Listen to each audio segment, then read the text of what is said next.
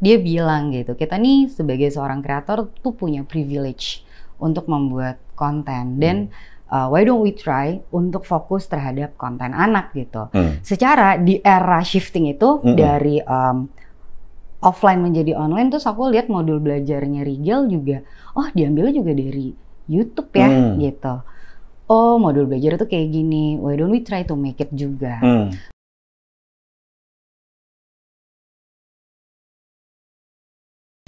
Brava Radio, the smoothest sound on radio. Streaming online, bravaradio.com, video.com, dan aplikasi Brava Radio. Brava listeners, selamat datang di The Captain, di mana kita bakalan ngobrol dengan figur leader yang sukses menahkodai salah satu project mereka. Dan kali ini kita bakalan nge- ngebahas mengenai dunia edutainment yang dikemas begitu menarik dan seru untuk keluarga, khususnya untuk anak-anak. Kita kenalan dengan Domi Kado, Creator and Chief Content Officer Visinema Studios, Anggia Karisma. Hai Anggia, Halo, thank you for letting us come to your gorgeous office. Aduh, Waduh. puji Tuhan makasih udah datang. Iya. Seneng banget kedatangan kamu. Aduh, Yang aku nanti-nanti jadi sekarang tuh kayak deg-degan. ya ampun, justru timnya Brava Radio yang deg-degan banget nih Brava Listeners. Kita datang ke kantornya yang bagus banget. Boleh cerita sedikit nggak ke Brava Listeners tentang kantornya kayak gimana sih? Sebenarnya kantornya tuh kita tadinya eh, satu eh, rumah aja nih kak, gitu. Hmm, Terus hmm. akhirnya eh, seiring dengan perjalanan waktu, akhirnya kita bikin satu compound gitu ya. Ya. Terus Visinema kan actually di eh, sini juga udah cukup lama gitu. Dan ini kayak tahun ke-14 kita, kalau nggak salah juga ya, ya kayaknya. Terus kita juga kayak ngerasa eh, di office tuh should be a place di mana semua orang tuh nyaman Iya. untuk bisa berinteraksi Uh-uh. gitu karena um, creativity kan kadang-kadang bisa datang dari mana aja. Salah satu pendukungnya tuh adalah tempatnya itu sendiri gitu. That's why Angga ngedesain ini terus udah gitu banyak area yang kayak Kauli tempatin tuh actually ini kayak hub kita buat ngumpul lah. Hmm. kayak hallnya kita dan semua orang bisa uh, bersinergi melakukan banyak kegiatan dari olahraga diskusi bahkan kalau tim Brava punya event silahkan Oh, loh bisa ya? bisa loh sering banget kita selalu kolaborasi sama uh, radio Ah, ah. sama teman-teman juga community jadi kadang kalau weekend tuh suka ada talk show Oh. ada nonton bareng Mm-mm. gitu bahkan suka ada pernah kita bikin ya sesi masak bareng kadang di sini Bisa sih ya, karena kan Bisa. high ceiling ya. bisa Tinggi. high ceiling terus udah gitu open air gitu jadi Yeah. emang it's a amphitheater room yang welcome for everyone. It's super nice Brava listeners dan juga eh, kantornya ini pas banget buat para orang yang menyukai kreativitas karena banyak seni ya di dalamnya ya. iya Banyak it's banget more like a gallery ya. art objects gitu. Bagus banget, keren banget. Oke, kalau kita bicara mengenai Do Mikado nih Anggia, pasti Brava listeners juga ada yang kepengen tahu lebih banyak ya. Mungkin Anggia bisa jelaskan kepada Brava listeners mengenai Do Mikado ini. Karena kan nama Do Mikado itu kayak permainan waktu kita kecil dulu kan. Ada Do, Mikado, Mikado SK, SKdo, SKdo Bea, Beo, Sim, Sim. Nah, Ya. betul nggak? cheese ya gitu kayak simsnya jadi cheese cheese Heeh. jadi emang um, Domikado tuh sebenarnya juga project yang buat aku pribadi gitu ya uh, sama Angga tuh lahir karena kegelisahan kita Hmm. sebagai orang tua pada era pandemi gitu waktu Hmm. itu kan sistem pendidikan shifting Ya. dari offline jadi online terus waktu itu terjadi anak kita tuh sebenarnya lagi di golden periodnya Miguel. si Rigel Heeh. Rigel tuh kayak kok dia jadi kehilangan momen buat ketemu temennya Heeh. terus buat main kita jadi sangat hati-hati gitu kita nggak tahu nih virus virus apa sih gitu Hmm. kan terus akhirnya em, Angga sempet diskusi sama aku sama eh, Rian eh, head of animation Visinema which partner aku juga dan co-creator Domikado dia bilang gitu kita nih sebagai seorang kreator tuh punya privilege untuk membuat konten dan uh, why don't we try untuk fokus terhadap konten anak gitu Hmm. secara di era shifting itu Mm-mm. dari um, offline menjadi online terus aku lihat modul belajarnya Rigel juga oh diambilnya juga dari YouTube ya Hmm. gitu oh modul belajar itu kayak gini why don't we try to make it juga Hmm. terus uh, Angga bilang udah deh godok tuh idenya kalian mau bikin apa Uh, terus kita kayak oke dan diskusi tersebut datang dari sebuah email jam 2 dini hari ya kak. Gitu. Jadi gue kayak oke kita mau bikin apa nih Yan? Gitu. Terus uh, pas diskusi aku bilang sama Rian tuh kayak aku tuh punya cita-cita banget. Aku nggak tahu bisa terwujud atau enggak pengen banget punya puppet show Puppet show, di Indonesia Mm-mm. which actually kita dulu punya. Teater boneka. iya kayak teater boneka kita punya unyil kita Hmm. punya sikomo dan itu udah nggak ada lagi gitu ya Hmm. terus em, kita tahu kita hidup uh, dan besar gitu juga dengan Sesame Street gitu Hmm. pada eranya gitu terus uh, akhirnya pas aku diskusi itu sama Rian kayaknya ini sesuatu yang bisa kita persu nih uh, teh dia bilang gitu oke kita harus tahu dulu visi sama misinya apa Hmm. visionnya tuh actually um, kita pengen anak dan keluarga Indonesia tuh punya new icon untuk mereka bisa bertumbuh bersama Mm-mm.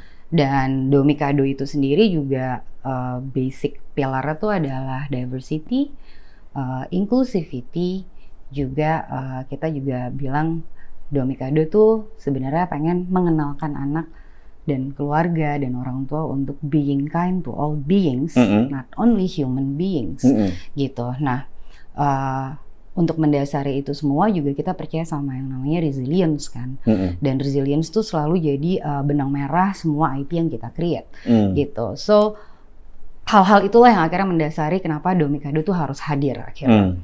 Terus um, kita kayak berpikir untuk ngegali uh, sebuah IP kita kan nggak pengen cuman jadi one hit wonder ya. Mm-mm. It should be sustained.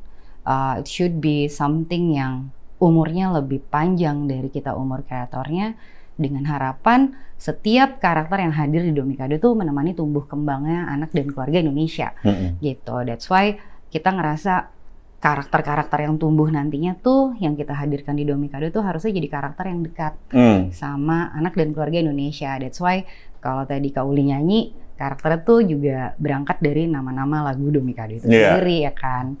Gitu dan ada Bea sama Beo, mereka tuh uh, burung gereja sama uh, burung Beo dari Nias. Ah. Gitu. Dan kenapa sih kita milih karakter burung gitu?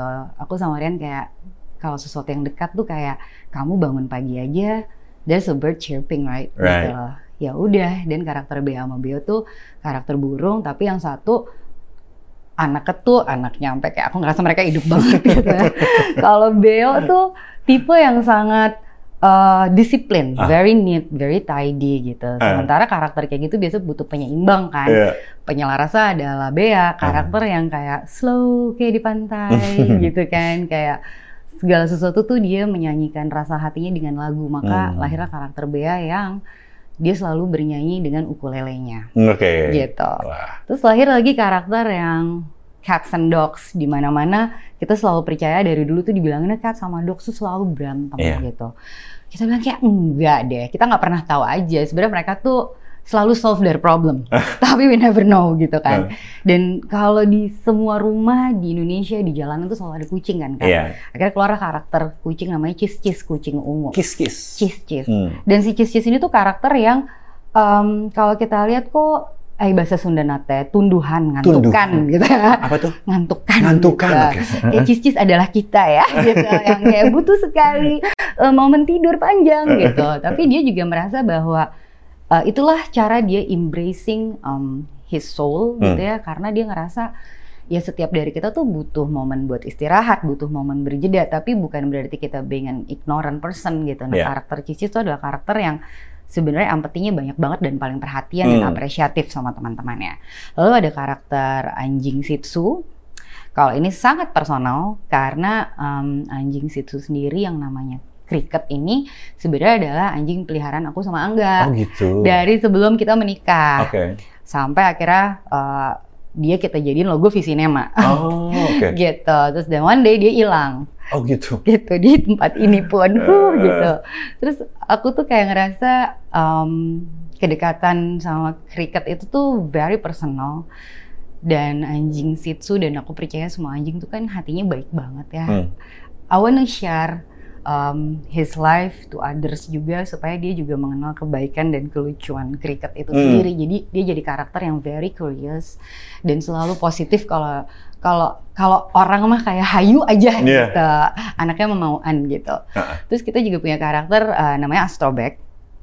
Dia tuh seekor bebek yang sebenarnya punya cita-cita ingin mendarat di bulan. Hmm. Tapi kemarin kita ngobrol lagi, bener Bek, mau jadi itu um, bebek yang pertama mendarat di bulan terus dia bilang sebenarnya aku pengen jadi bebek pertama mendarat di Pluto. Oh oke, okay.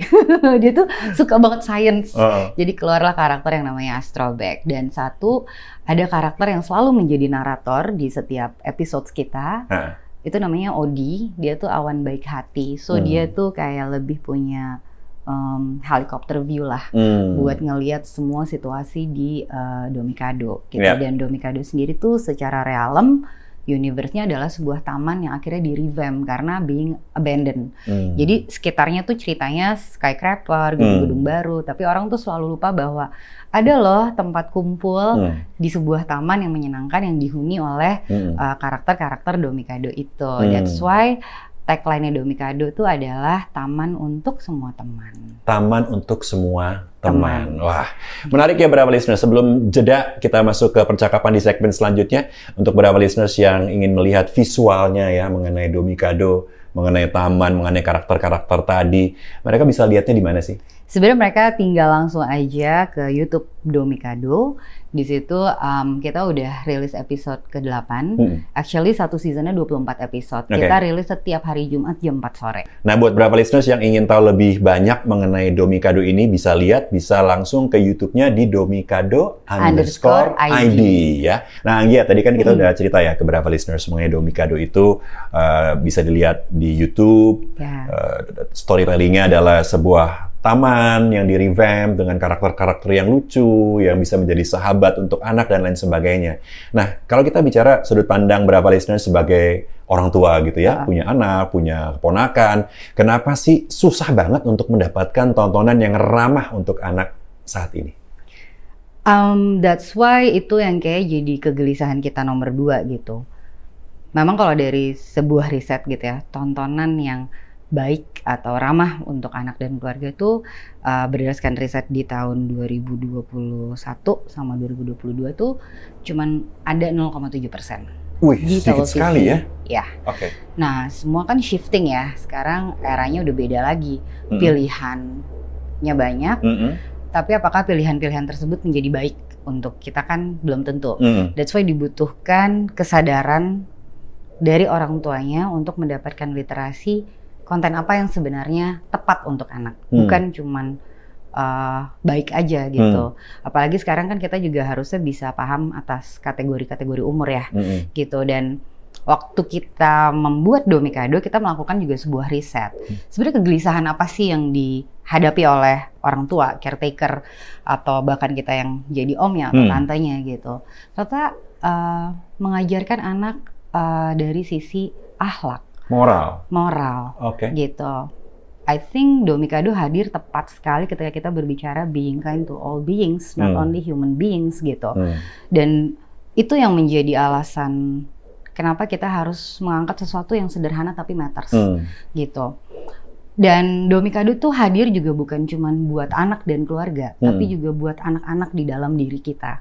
Ah. Which being abandoned. Dan hmm. akhirnya pola asuh itulah yang akhirnya um, bisa jadi uh, mendasari pola asuh kita ketika kita memiliki anak. Hmm. Aku berbicara ini berdasarkan pengalamanku menjadi orang tua karena aku bukan pakarnya ya. Maksudnya hmm. I'm not psikolog hmm. anak gitu loh. Aku hanya pemerhati uh, konten uh. gitu sama konten kreator, sama storyteller gitu. Tapi aku juga ibu. Uh. Yang akhirnya aku paham sekali bahwa ketika pada saat orang tua kita melahirkan kita sampai kita juga menjadi orang tua tuh nggak ada modulnya untuk hmm. jadi ibu, untuk hmm. jadi bapak, untuk jadi orang tua. Tapi sekarang yang patut disyukuri adalah banyak sekali community yang punya concern terhadap pendidikan anak, hmm. terhadap uh, parenting, hmm. terhadap um, apa ya bukan hanya memvalidasi tapi memberikan medium ketika Hah? seorang ibu belajar men, seorang perempuan belajar menjadi ibu okay. menghadapi postpartum depression dan lain-lain hmm. gitu. Itulah menariknya era sekarang. Informasi begitu gampang hmm. didapat. Tapi ketika hadir konten untuk anak rasanya kurang ya. Hmm. Gitu. Bahkan ketika kita memberikan gadget gitu ya itu tuh kayak sebagai sebuah pengalihan isu terhadap anak untuk dia stay calm, stay quiet gitu. Tapi what if kita dibalik? Nggak apa-apa anak dikasih gadget, tapi, tapi gimana membuat itu jadi optimal buat yeah. anak? Nah, that's why kita hadir uh, memberikan sebuah konten, yeah. series edutainment yang rasa-rasanya tuh kita berusaha untuk membuat itu lebih imbang. Mm-mm. Ada yang edukasinya lebih dominan dibandingin entertainmentnya, Mm, mm. ada yang entertainmentnya lebih dominan dibalikin ke edukasinya gitu. Tapi kalau ini seimbang gimana sih? Iya. Sementara sepertiga waktu anak di golden period itu kan dipakainya main Iya. gitu. Tapi gimana caranya kita menyelipkan sebuah pengetahuan dengan cara-cara yang menyenangkan? Maka Domikado itu hadir untuk itu.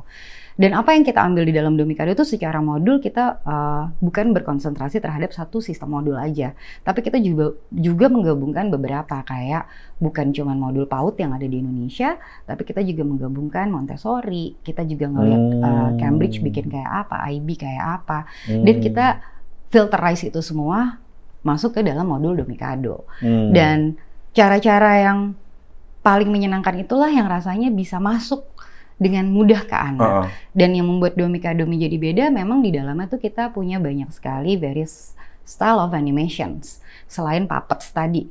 Tapi kita juga menghadirkan music, kita juga menghadirkan bintang tamu di Hmm. setiap hampir semua episodenya gitu.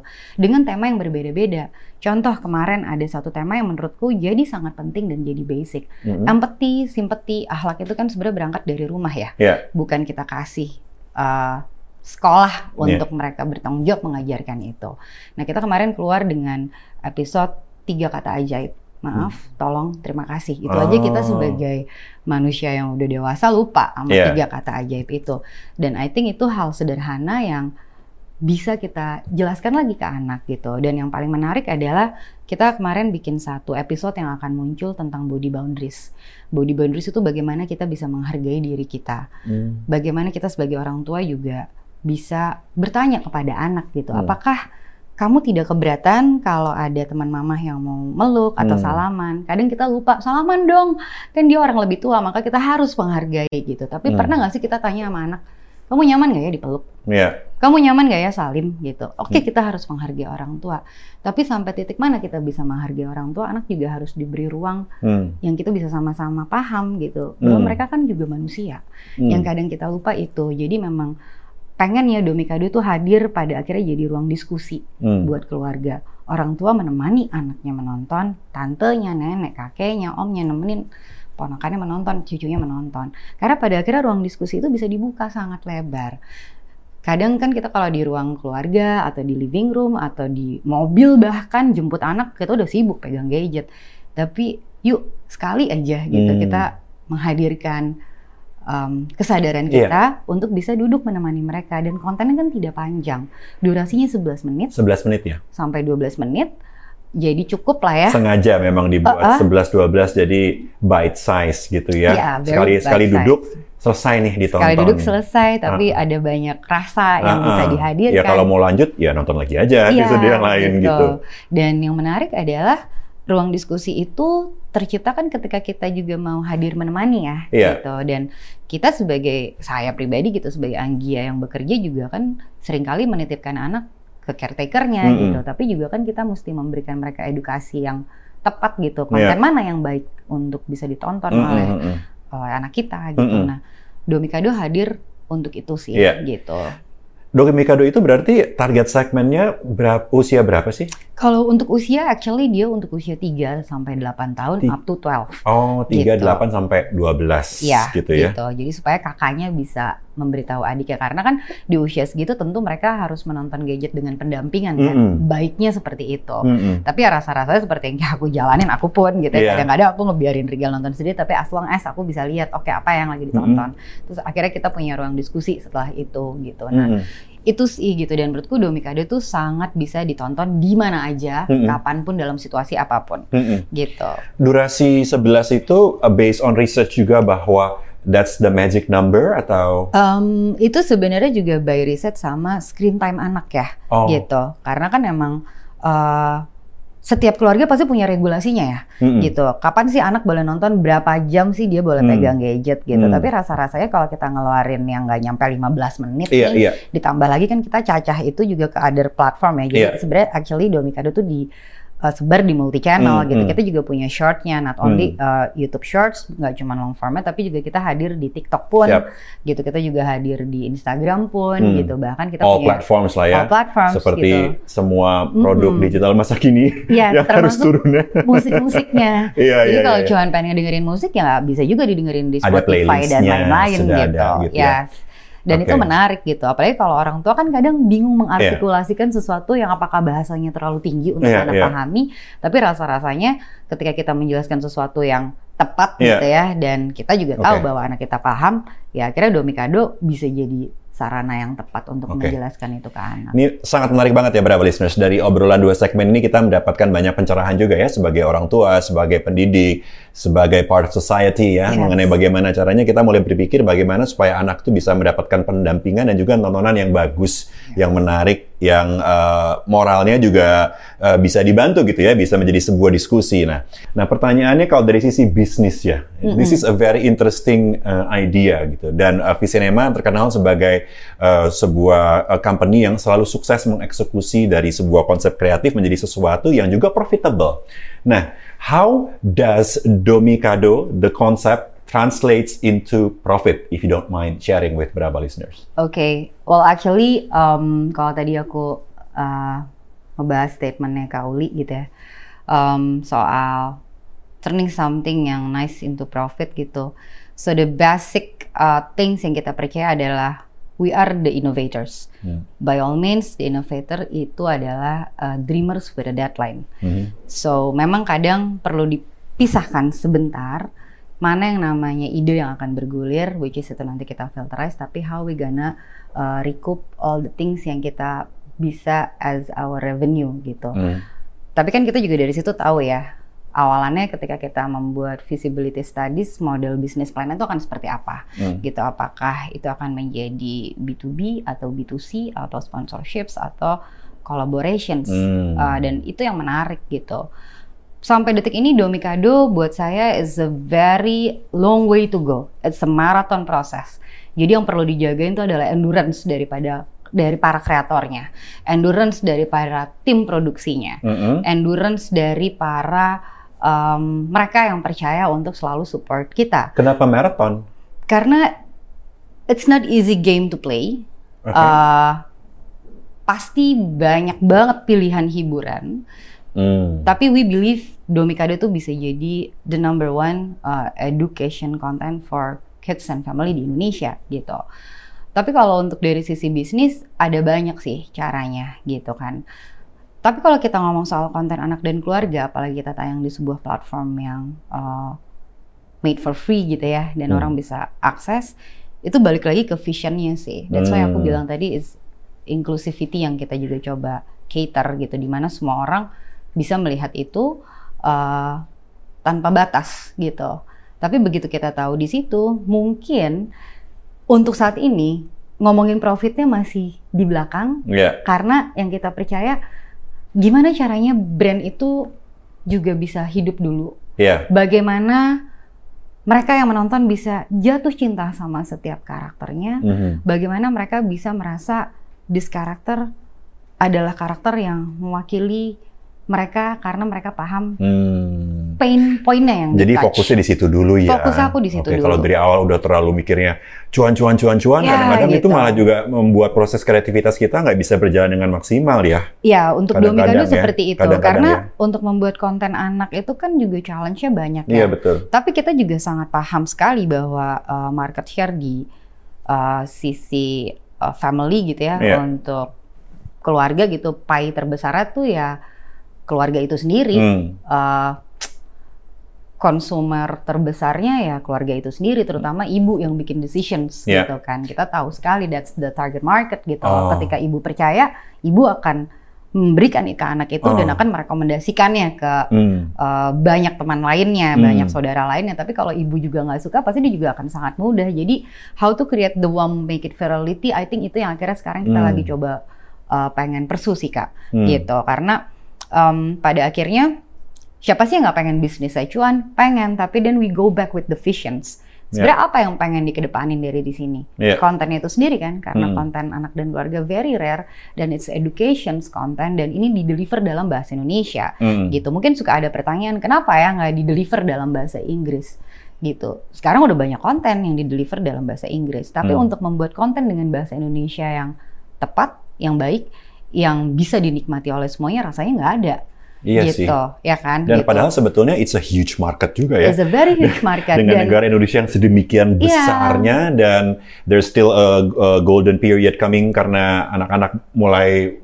jadi bakal SDM juga gitu kan usia-usianya nanti kan. usia-usia uh, yang menurut saya usia produktif ya, di Hmm. mana critical thinking mereka yang akhirnya Iya. kita coba uh, challenge gitu. Hmm. Ya, not only empathy, sympathy, but the critical thinking, the creative thinking Hmm. itu adalah basic foundation untuk life skills-nya mereka. Hmm. How they gonna develop if there ain't no such thing Hmm. as good content for them. Nah, Oke. itu yang sebenarnya kita lagi coba sasar. Nah, dari situlah kenapa Domikado butuh banyak support, butuh banyak dukungan dari teman-teman yang percaya supaya oke sekarang maybe belum banyak yang tahu, belum banyak yang viral, tapi kan dengan aku hadir di sini ngobrol sama Kak Uli gitu, Yeah. Brava listeners juga knows about Domikado, hopefully it will make you warm dan pada Yeah. akhirnya kalian dengan sangat uh, happy bisa memberikan recommendations ini buat the others gitu. Ya. Nah itu sih kalau dari sisi bisnis, I believe it's a very long long process gitu. Tapi ya kita juga percaya bukan nggak mungkin chance mungkin ya kita bisa collaboration Ya. with anything ya. Ya. Jadi para listeners bisa langsung lihat ya di YouTube-nya Domikado underscore ID. Yes. Bisa di-share ke keluarga, ke grup WhatsApp ya. Iya. Jadi para Pak D, Bude bisa uh, juga lihat dan bisa share juga ke anak-anaknya seperti apa sih. Kalau kita bicara mengenai uh, hiburan ya, ini kan Hmm. Domikado adalah alternatif edutainment ya, not only entertainment but also education buat anak-anak. Mungkin ada beda konten sama zaman-zaman kita dulu ya, sama zaman-zamannya Brava listeners, misalnya tahun uh, 2000-an atau tahun 90-an atau bahkan tahun 80-an lah ya. Iya. apa sih bedanya rasanya hiburan yang lawas yang zaman dulu dengan hiburan zaman sekarang? Kalau menurutku yang dulu tuh sangat genuine ya. Aku ngerasa ada banyak uh, konten yang pada eranya tuh mungkin alternatifnya kurang tapi kontennya tuh baik gitu, Mm-mm. tepat gitu. Kayak banyak yang punya resonansi gitu kalau kita ingat Komo, kalau kita ingat Si Komo. Seto gitu ya, Iya, Unyil, apa? Komodo. Pak Patino Sidin, right? Iya itu mas, ya menemani masa kecil kita dulu nonton TVRI ya. Betul sekali dan emang very educational dan menurutku juga um, kontennya tuh ya genuine gitu Iya, loh ya. kayak mengangkat banyak hal sederhana dan rasa-rasanya sering kali sekarang tuh kita lupa gitu Iya, Kayak kita ya. pengennya thinking out of the box gitu. Oh. Tapi sebelum you got there, pernah nggak sih think inside your Kenapa box? ya? Zaman dulu Gitu. malah lebih banyak nontonin yang seperti itu. Iya. Sekarang tuh nggak ada ya. Nggak ada, I Selain. Domikado ya, tentunya ya Mm-mm. gitu. Tapi kayak Tapi kayaknya susah ya. rasanya memang sangat minim. Hmm. Tapi uh, di digital eranya, di gamesnya, Iya. wah sangat progresif. Ya Hmm. lagi-lagi butuh kesadaran kita untuk bisa memilih games apa, tontonan Hmm. apa yang tepat untuk mereka. Bahkan kan kalau untuk OTT platform pun Iya. gitu ya, itu juga ada kategorinya gitu kan. Buat yang anak-anak ada, tapi yang buat preteen ada. Iya. Tapi yang juga buat teenagersnya Iya. ada. Nah, lagi-lagi ya kita nih sebagai orang tua yang memang tahu mereka adalah generasi yang mesti dijagain screen time ya karena udah nggak bisa apa ya udah nggak relevan lagi kalau kita bilang nggak boleh nonton gadget ya nggak mungkin dong Mm-mm. hari ini arahnya digital Bener-bener. semua boleh pegang apa pun Bener. bahkan aku belajar dari anak gitu Mm-mm. bukan anak yang belajar dari aku gitu Mm-mm. tapi gimana mengoptimalkan itu semua jadi sesuatu yang tepat untuk mereka untuk indulge their high potentials. Iya. Nah itu kayak menurutku sangat sangat sangat penting sekarang gitu dan ya itu pembedanya gitu dan makanya untuk membuat sebuah konten anak dan keluarga ya butuh banyak dari kita terutama orang dewasa yang benar-benar put put concern about it gitu. It's Hmm. very delicate. So it's not easy to make gitu. Makanya tadi aku bilang it's a long process, it's a marathon process yang mesti dijagain ya Benar-benar. endurance gitu. Iya. Dan gimana caranya bikin itu sustain?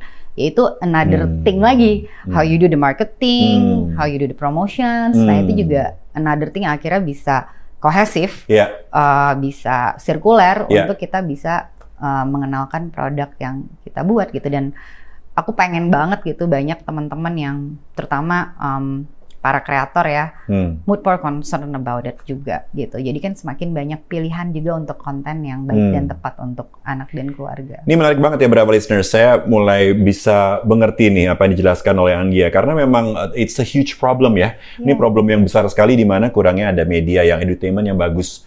Uh, kalau zaman dulu mungkin lebih banyak pilihan, sekarang uh, nggak uh, ada pilihan sulit buat anak-anak tapi then again menariknya adalah when there's a problem, there's opportunity kan. Yeah. Ada masalah berarti ada kesempatan dan Domikado melihat kesempatan itu ya karena memang ini problemnya besar artinya there's an opportunity also untuk memberikan solusi yang long term ya karena kan ini yeah. education ya. Yes. Uh, entertainment tapi juga education. Nah, selain Domikado, Anggia sudah banyak memproduksi film-film yang bertemakan keluarga ya berapa listeners. Anda mungkin uh, aware juga misalnya dengan keluarga Cemara atau uh, NKCTHI atau nanti kita cerita tentang hari ini Marcella ya. Iya. Yeah. Ya kan itu salah satu yang viral banget. So my next question Anggia, bagaimana Anggia memaknai arti keluarga? Oke. Okay. Keluarga buat saya tuh tempat harusnya jadi tempat paling safe untuk belajar bertumbuh dengan banyak cara ya. Kita bisa belajar patah, kita bisa menghadapi semua pengalaman pertama tuh ketika kita memaknai itu dari sebuah keluarga gitu. Tapi ya keluarga tuh pada akhirnya jadi tempat kita buat berpulang karena dari situlah kita hadir pertama kali kita mengenal segala sesuatunya gitu dan hopefully ketika kita memilih dan memutuskan untuk berkeluarga kita paham sekali untuk menempatkan memori baik untuk anak kita nantinya. Dan it's something the feeling yang we should be embrace dengan kondisi sangat sadar. Dan untuk memaknai kesadaran itu juga I think kita juga perlu sekali untuk memeluk uh, diri kita untuk juga mengakui bahwa apa yang kita lakukan buat keluarga itu juga pasti tentu adalah yang terbaik gitu kira-kira kak Balik ke zaman dulu, seorang Anggia kecil suka dengan tontonan apa aja dan apakah ada pelajaran hidup yang diambil dari tontonan-tontonan itu? Tujuh, aku banyak banget yang aku suka gitu, bahkan it's very random gitu ya. Um, dulu tuh aku inget banget gitu, tontonan kita kan dulu TV tuh cuma TVRI ya. Tapi pas akhirnya kita keluar ada um, TV swasta, pada eranya kan juga sangat susah ya, kita harus punya parabola the things that I remember adalah setiap abis main di sore aku lari ke rumah tetangga yang punya parabola. aku tuh kayak main sama temenku gitu dan tontonan sore kita tuh um, ya salah satunya juga uh, yang tadi aku sempat mention gitu ya ada Sesame Street gitu dan emang ya aku sangat tergila-gila sih sama semua karakternya gitu aku tumbuh di sana juga gitu dan of course Mickey Mouse gitu karena Mickey Mouse banyak banget menemani aku dan adik aku pada eranya through the ups and downs gitu ya dan it's been such a great memories gitu. Baru tuh aku dikenalin sama sama ayah gitu ya. Nonton ke bioskop gitu kita nonton The Lion King and then kita juga nonton Aladdin gitu. Dan um, pada waktu itu kebetulan kita dapat sebuah kesempatan nemenin ayah sekolah terus kita tahu how to make filmmaking oh gini ya caranya uh, Hollywood Studios tuh bikin film. Berarti selama ini yang aku tonton gitu ya dulu kan saya sempat kenalin ada Jaws. Oh ternyata hiunya tuh bikinan gitu. Terus kayak oh King Kong itu yang uh, ada di penjara tuh caranya bikinnya kayak gini ya gitu. Terus kayak I think um, aku mendapatkan uh, sebuah kesempatan yang luar biasa gitu ya waktu kecil bisa melihat itu lebih awal gitu. Dan the next thing I know adalah it's so nice being a storyteller ya gitu. Karena dari dulu tuh memang ayah tuh nggak pernah beliin aku mainan gitu. Tapi dia bilangnya nggak ada uang kalau beli mainan tapi kenapa setiap minta buku minta cat air gitu ya. Terus minta kanvas pokoknya something yang tentang um, bukan mainan dia selalu ada gitu. Oh dan di situ aku baru paham oke okay, sebenarnya menurut dia yang kamu mesti gali itu adalah your own potentials gitu loh without him saying it gitu tapi sekarang benda-benda itu jadi kayak semacam core memory yang nge-trigger aku gitu. Bahkan ketika aku jadi penyiar pun dia suka playing pretend gitu. Kita ngobrol di kipas angin supaya suaranya seolah kayak kita ngobrol di mic gitu. Terus dia juga suka muterin lagu supaya seolah-olah itu kayak jadi back sound. jadi kayak banyak pengalaman menarik yang um, ternyata orang tua aku cukup banyak mendukung aku untuk nggak hanya di akademis gitu tapi ya ya yuk gali aja. Kalau ternyata potensial kamu di sisi kreatifnya juga why not? I think itu sesuatu yang menarik apalagi pas aku masuk sekolah di lab school ketemu Pak Arif Rahman as my principals gitu dia selalu bilang kalau memang kamu ternyata punya bakat di non akademis why don't you guys pursue it? Gitu. Bangku sekolah memang bangku di mana kita sama-sama harus uh, belajar yang sangat tangible gitu. Tapi the intangible things ya kita harus dapetin itu dengan memaknai our passions. Yang mungkin kadang kita suka lupa gitu ya sebenarnya kita mau jadi apa sih? gitu. Then why don't we go throwback? Dulu cita-cita kita waktu kecil tuh sebenarnya pengen jadi apa ya? Jangan-jangan that's your own purpose of life gitu ya. Maksudnya setiap orang tuh prosesnya beda-beda kan. As long as kita menghargai prosesnya uh, ya yeah, I think itu sesuatu yang create who you are right now dan yang aku selalu diingetin sama ayah tuh cuman satu sih, be true to yourself. Kalau emang beda, it's okay dan it's you. Gitu. Jadi jangan pernah takut untuk jadi beda dan mungkin dari di situ ya ya you are one of a kind. Ya I think itu jadi kena banget ya ke sekarang bagaimana aku juga bisa mengejawantahkan perspektif itu ke anak aku gitu. Jadi ya you can be anything you want as long as you are kind as long as you don't do things yang menyakiti orang dan satu hal ya kalau sekarang tugasnya ya pasti sekolah but please explore gitu loh your highest potentials apa gitu kak. Shout out buat Pak Arif Rahman beserta keluarga berarti kita gurunya sama ya. Iya. Sama alumni lab school. Alumni ya. kita satu alma. Jadi abis ini kita yel-yel ya. Halo halo lab school. Halo halo lab school ya. Oke, okay, uh, my next question adalah mengenai uh, time management ya. Hmm. Time management. Bagaimana Anggia memaknai uh, perempuan independen yang harus mengatur waktu dengan keluarga dan juga berkarir? Bagaimana mengatur uh, work life balance? Oke, okay. buat aku there's no such thing as um, work life balance gitu. Rasanya kayak mitos. Tapi um, yang aku coba sadarin sekarang itu adalah berusaha bilang cukup untuk diri sendiri. Terutama untuk waktu ya gitu. Karena kemarin aku sempat ngobrol gitu sama salah satu mentor aku. Ingat Longgi, cuman ada 740 weekend yang kamu bisa spend sama anak kamu before dia berusia remaja. really gitu kayak udah berapa waktu yang hilang ya? Yang selama ini kayak aku fokus untuk memikirkan pekerjaan gitu. Jadi ketika aku diajak untuk balance, I think yang aku harus ajak ngomong kapan kamu akan berkata cukup untuk diri kamu.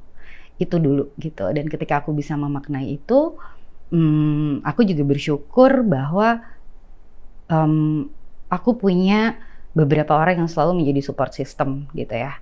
Yang aku percaya kalau nggak ada mereka, aku juga nggak bisa bekerja dengan fokus atau santai di kantor gitu atau di tempat lain gitu. Jadi I'm really thankful for the support team aku gitu ya. Jadi kayak itu tuh hal yang paling basic gitu bahwa mereka jadi mata ketiga kita lah atau mata kedua kita kalau kita menitipkan anak. I think itu dan kemudian ini sebuah privilege yang sangat aku syukurin aku bekerja bersama suami. Jadi kita kadang playing role gitu. Dia tahu kalau misalkan oke okay, sekarang kayak emang waktunya kamu berproduksi dan pasti akan pulang sangat malam dan aku pulang cepet tinggi gitu. Jadi kita tag team juga kalau dia ternyata harus pulang lebih larut akunya mesti di rumah lebih dulu gitu. Bahkan berusaha menyempatkan waktu untuk ya make a moment lah. Kayak kamu yang nganterin pagi ya dia kalau ada waktu jemput. So punya pasangan yang bisa bikin segala sesuatunya berjalan dengan uh, apa ya teammate gitu ya itu jadi sesuatu yang menyenangkan gitu dan buat aku itu sih yang penting gitu bahwa ibu bekerja tuh bukan juga mudah karena di setiap pekerjaannya tuh suka asa kepikiran gitu ya. Aduh di rumah tuh gimana? Apalagi kayak kemarin tiba-tiba ada evakuasi gempa di sekolah. Wah, uh pusingnya tuh udah kayak aduh gimana ya? Gitu bawaannya tuh udah dia nggak usah sekolah aja. Tapi kan nggak mungkin ya dia harus sekolah gitu. Ya ada banyak dilema tapi kayak akhirnya balik nafas. Kita maknai dulu nih mana yang first thing first gitu ya. Mana yang paling matters akhirnya itu yang aku kerjain. Jadi kayaknya itu juga ngelatih aku untuk tidak selalu mengentertain mengentertain banyak orang gitu. Jadi emang pilih deh energi yang pengen lo keluarin saat ini tuh buat siapa, ke mana, mana yang paling penting. Kalau emang bilang enggak ya bilang enggak aja nggak apa-apa kok. Toh dengan bilang enggak, segala sesuatunya akan tetap bisa berjalan dan bukan berarti juga kita dimusuhin. Kayaknya itu yang bikin aku ngerasa ya oke okay, akan ada waktunya aku bisa work life balance tapi kalau buat sekarang aku sadarin dulu kebutuhan aku ada di sisi sebelah mana and I believe buat ibu-ibu yang nggak bekerja juga is a very tough job karena 24 hours kamu ada di rumah gitu dan aku ngelihat itu di ibu aku gitu it's not easy tapi I believe kita sesama perempuan harusnya tidak menjudge tapi saling mendukung bahwa you are not alone doing these hardships we're doing it together gitu karena itu yang paling penting ya dan aku senang banyak community sekarang yang juga bisa uh, memberikan support dari sisi itu bukan cuma memvalidasi rasanya gitu Last question, ada rencana apa? What's the plan for the future? Dan uh, apa nih yang mau disampaikan ke berapa listeners? Oke, okay, our next plan adalah um, Cinema Studio selain punya IP Domikado, kita juga akan mengeluarkan our original IP animasi uh, judulnya Jumbo gitu dengan sutradara uh, Rian Adriandi yang juga uh, partner aku, kreator aku di Domikado gitu. Jadi tungguin aja dia akan tayang tahun depan. Uh, prosesnya cukup panjang Kauli karena kita udah masuk tahun kedua ya udah mau tiga tahun. Karena emang itu tadi luar biasa prosesnya tapi jadi proses yang sangat menyenangkan. Sama kita juga lagi develop uh, satu film live action juga. Itu tentang kita para perempuan, tapi juga kita tahu sekali uh, ini diambil dari sebuah IP ya kak ya gitu. Tunggu aja, kita lagi develop semuanya dan akan ada banyak kejutan lainnya juga sih dari Visinema. Tapi buat yang lagi punya waktu ke bioskop, jangan lupa buat nonton, jangan yang jangan lupa pulang karena itu adalah uh, universe yang sama dengan NKCTHI. Yeay, keren banget ya para listeners kita dapat banyak pembelajaran hari ini ngobrol-ngobrol seru mengenai Domikado, dapat cerita macam-macam, uh, dapat insight macam-macam. Jadi Anggia terima kasih banyak sudah. Terima kasih banyak Kauli. Menerima berapa radio datang ke kantornya yang cakep banget, cantik banget dan sudah bersedia ngobrol-ngobrol dengan beberapa listeners juga. Dan tentunya selain bisa didengarkan di radio, bisa ditonton juga di channel YouTube Berapa Radio. So sekali lagi Anggia terima kasih banyak. Dengan senang hati Kak, thank you so much. Berapa Thank you. Bersama dengan Anggia Karisma Domikado Creator and Chief Content Officer Visinema Studios di The Captain. Jangan ke mana-mana karena The Captain masih akan kembali lagi tentunya once a month bersama dengan figur leaders yang menakodai bisnis mereka. Listen to Brava Radio, the smoothest sound on radio. Download our mobile app on Play Store and App Store or stream via bravaradio.com.